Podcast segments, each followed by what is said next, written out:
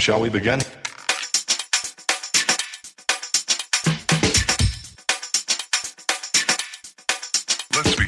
Jeden podcast, jedna misja, jedyne takie miejsce, w którym możesz posłuchać rozmów z podcasterami o ich podcastach i pasjach, o ich pierwszych krokach w podcastingu, sprzęcie i finansach. Przed Wami gospodarz audycji Krystian Zych i jego dzisiejszy gość. Cześć, Magda zapowiadając dzisiejszy odcinek niestety nie wiedziała, że nie będzie gościa. Dzisiaj będę sam. I będą się co jakiś czas pojawiały takie odcinki, w których będę sam, ale oczywiście będą również odcinki z gośćmi i to nie tylko z podcasterami. Na jeden z najbliższych odcinków szykuję Wam pewną niespodziankę. Moim gościem będzie osoba, która wprawdzie nie prowadzi swojego własnego podcastu, natomiast jej wiedza bardzo ułatwi podcasterom pracę. A więc dzisiaj solo. I jest kilka rzeczy, o których chciałem Wam ostatnio powiedzieć. Już od dłuższego czasu się zbierałem, niestety miałem prawie dwa miesiące problem z głosem. Ostatnio przez półtora tygodnia miałem dosyć dużą gorączkę. Ciągle jeszcze nie czuję się y, w pełni zdrowy. No i niestety cały czas jeszcze mam problem z gardłem, także trochę będę dzisiaj chyba chrypiał.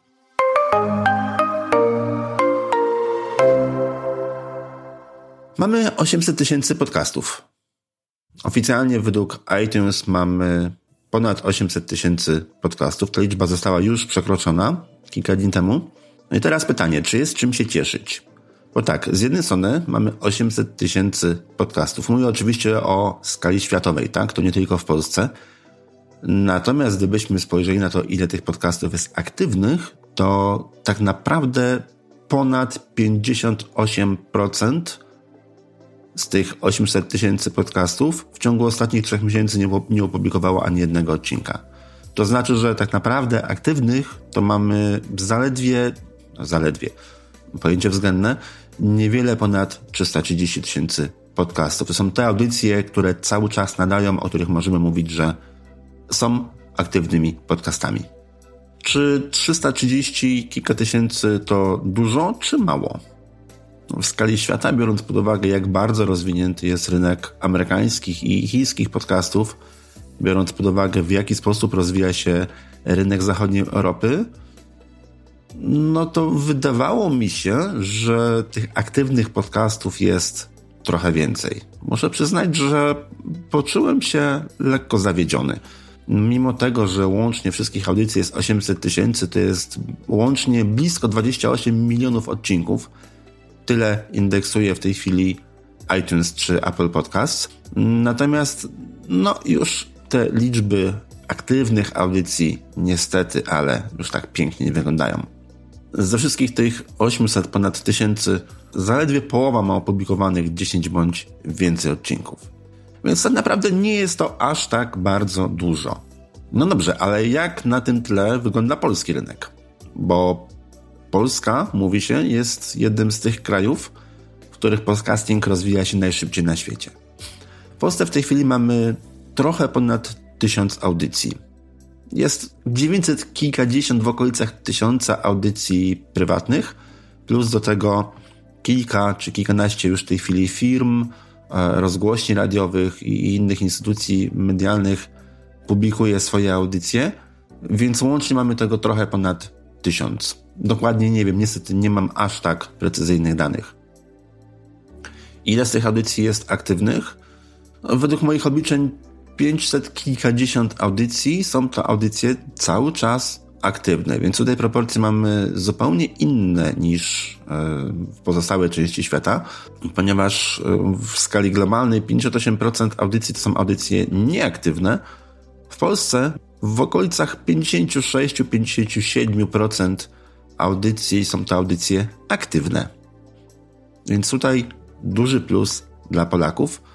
Przypuszczam, że wynika to z tego, że podcasting w Polsce jest stosunkowo młody i te audycje, które w Stanach powstawały w 2004-2005 roku, po prostu w wielu przypadkach już nie dotrwały do e, dzisiejszych czasów. Natomiast w Polsce podcasting zaczął się tak naprawdę rozwijać dwa, może trzy lata temu. Tak więc wydaje mi się, że jest to ten powód, dla którego właśnie u nas ciągle tych aktywnych podcastów, ciągle tych aktywnych audycji jest tak dużo, proporcjonalnie porównując do średniej światowej. A ile osób słucha podcasty? Podobno co czwarty internauta. Przynajmniej tak twierdzi Agora. Agora wraz z, z firmą Tandem Media ostatnio zrobiły badanie podcasterów i podobno 27% internautów słucha podcastów w Polsce. Czy to dużo? No, w Niemczech jest to około 22%, ale na przykład w Hiszpanii jest to około 40%. W Szwecji w okolicach 36%. I z tych 27% internautów słuchających podcasty zdecydowana większość, bo ponad połowa, 65%, są to osoby, które zaczęły słuchać podcastów w ostatnim roku. Tak więc nie tylko rynek podcastów rośnie w siłę, ale też i rynek słuchaczy podcastów bardzo ładnie się rozwija.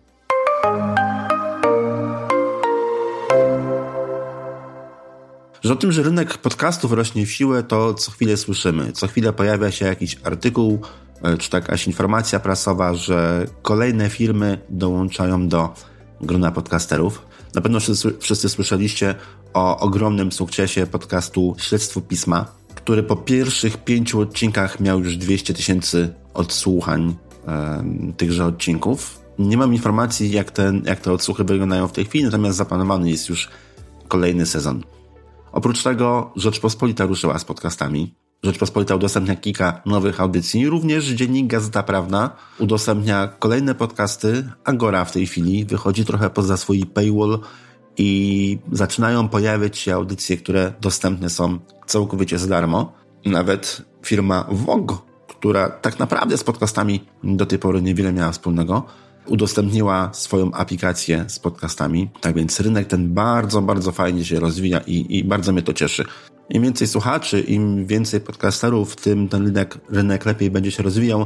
No i oczywiście również, co za tym idzie, podcasterzy będą musieli zacząć się profesjonalizować. Czyli powoli odchodzimy już od tego momentu, gdzie nieważne jak, ważne, żebyśmy mieli coś ciekawego do powiedzenia. I byle jakie nagranie, a aby tylko było będzie cieszyło się dużą popularnością.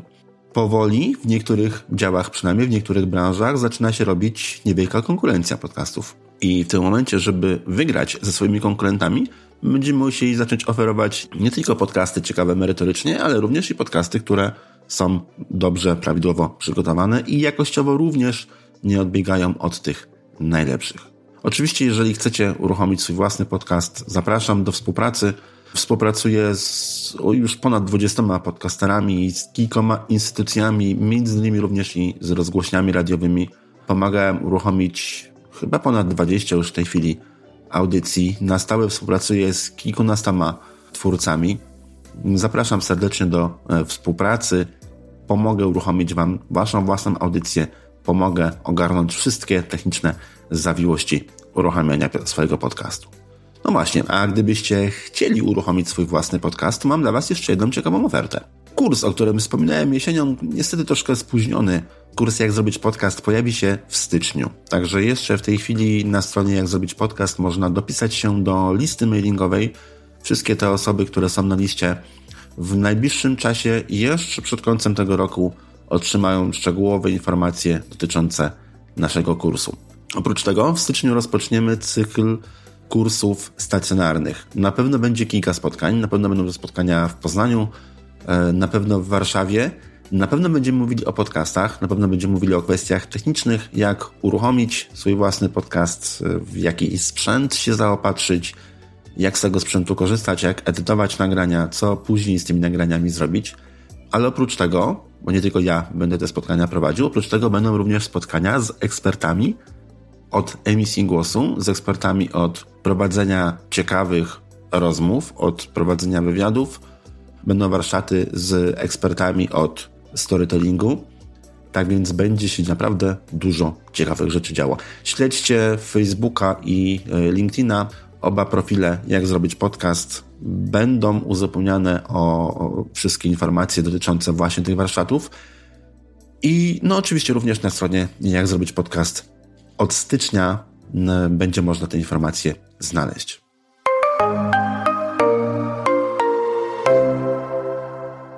A jeżeli nie chcecie czekać do stycznia, to zapraszam Was do nauki samodzielnej.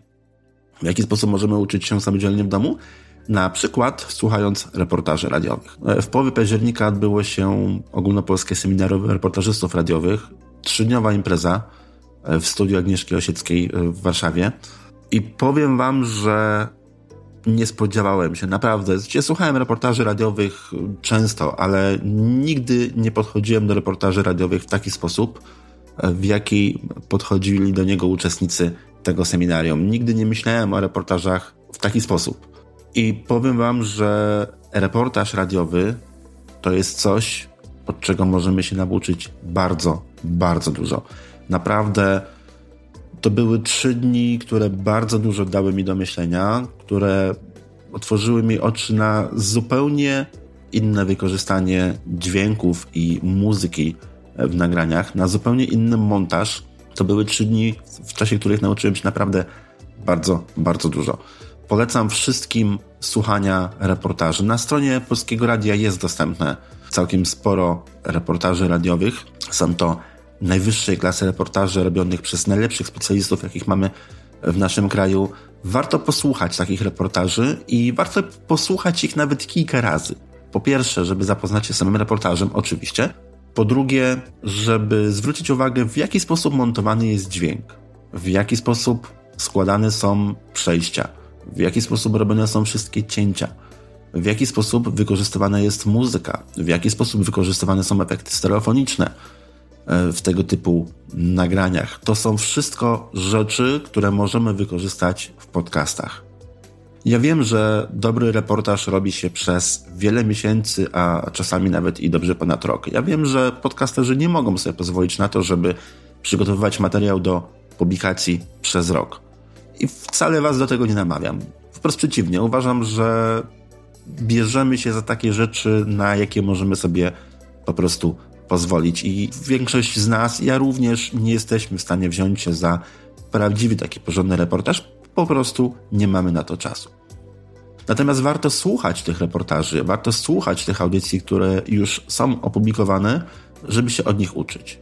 I warto zaglądać również na stronę torbareportera.pl, na stronę na bloga prowadzonego przez dwie wysokie klasy reportażystki radiowe, właśnie e, z Polskiego Radia, które bardzo dużo pokazują, w jaki sposób zadawać pytania, w jaki sposób zadawać trudne pytania, w jaki sposób wykorzystywać też swój sprzęt, w jakich warunkach, jaki sprzęt się sprawdza, jak nagrywać itd., tak itd. Tak, tak więc reportaże radiowe to jest coś, od czego możemy się naprawdę bardzo dużo nauczyć. Polecam.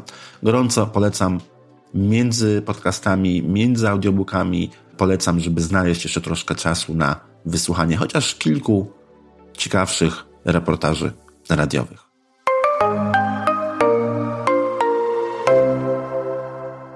Oczywiście reportaże to nie wszystko. Na przykład w bardzo ciekawy sposób montowane są słuchowiska. Zajrzyjcie również, dzisiaj będę dużo mówił o Polskim Radiu, zajrzyjcie również na stronę Polskiego Radia i posłuchajcie na przykład w jaki sposób montowane są odcinki cyklu Matysiakowie. Nie musicie się wsłuchiwać konkretnie w te odcinki. Nie musicie interesować się y, zawartością merytoryczną, że tak powiem, tych nagrań, bo nie o to chodzi. To jest ogromny cykl, strasznie długi. Żeby wiedzieć o co chodzi, to trzeba by wysłuchać tego, może nie od początku, ale przynajmniej od połowy. To są już w tej chwili tysiące nagrań.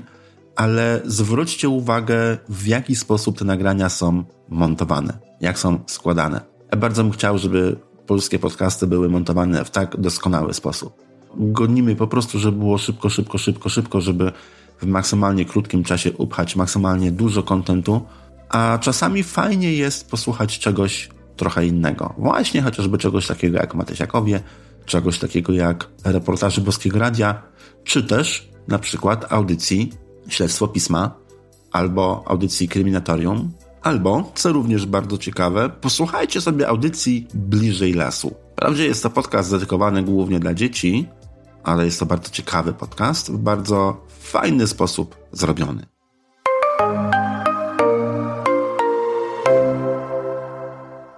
Dzisiaj krótko, tylko te kilka najważniejszych informacji, bo od konferencji z okazji Międzynarodowego Dnia Podcastów na koniec września właściwie nie mieliśmy okazji porozmawiać.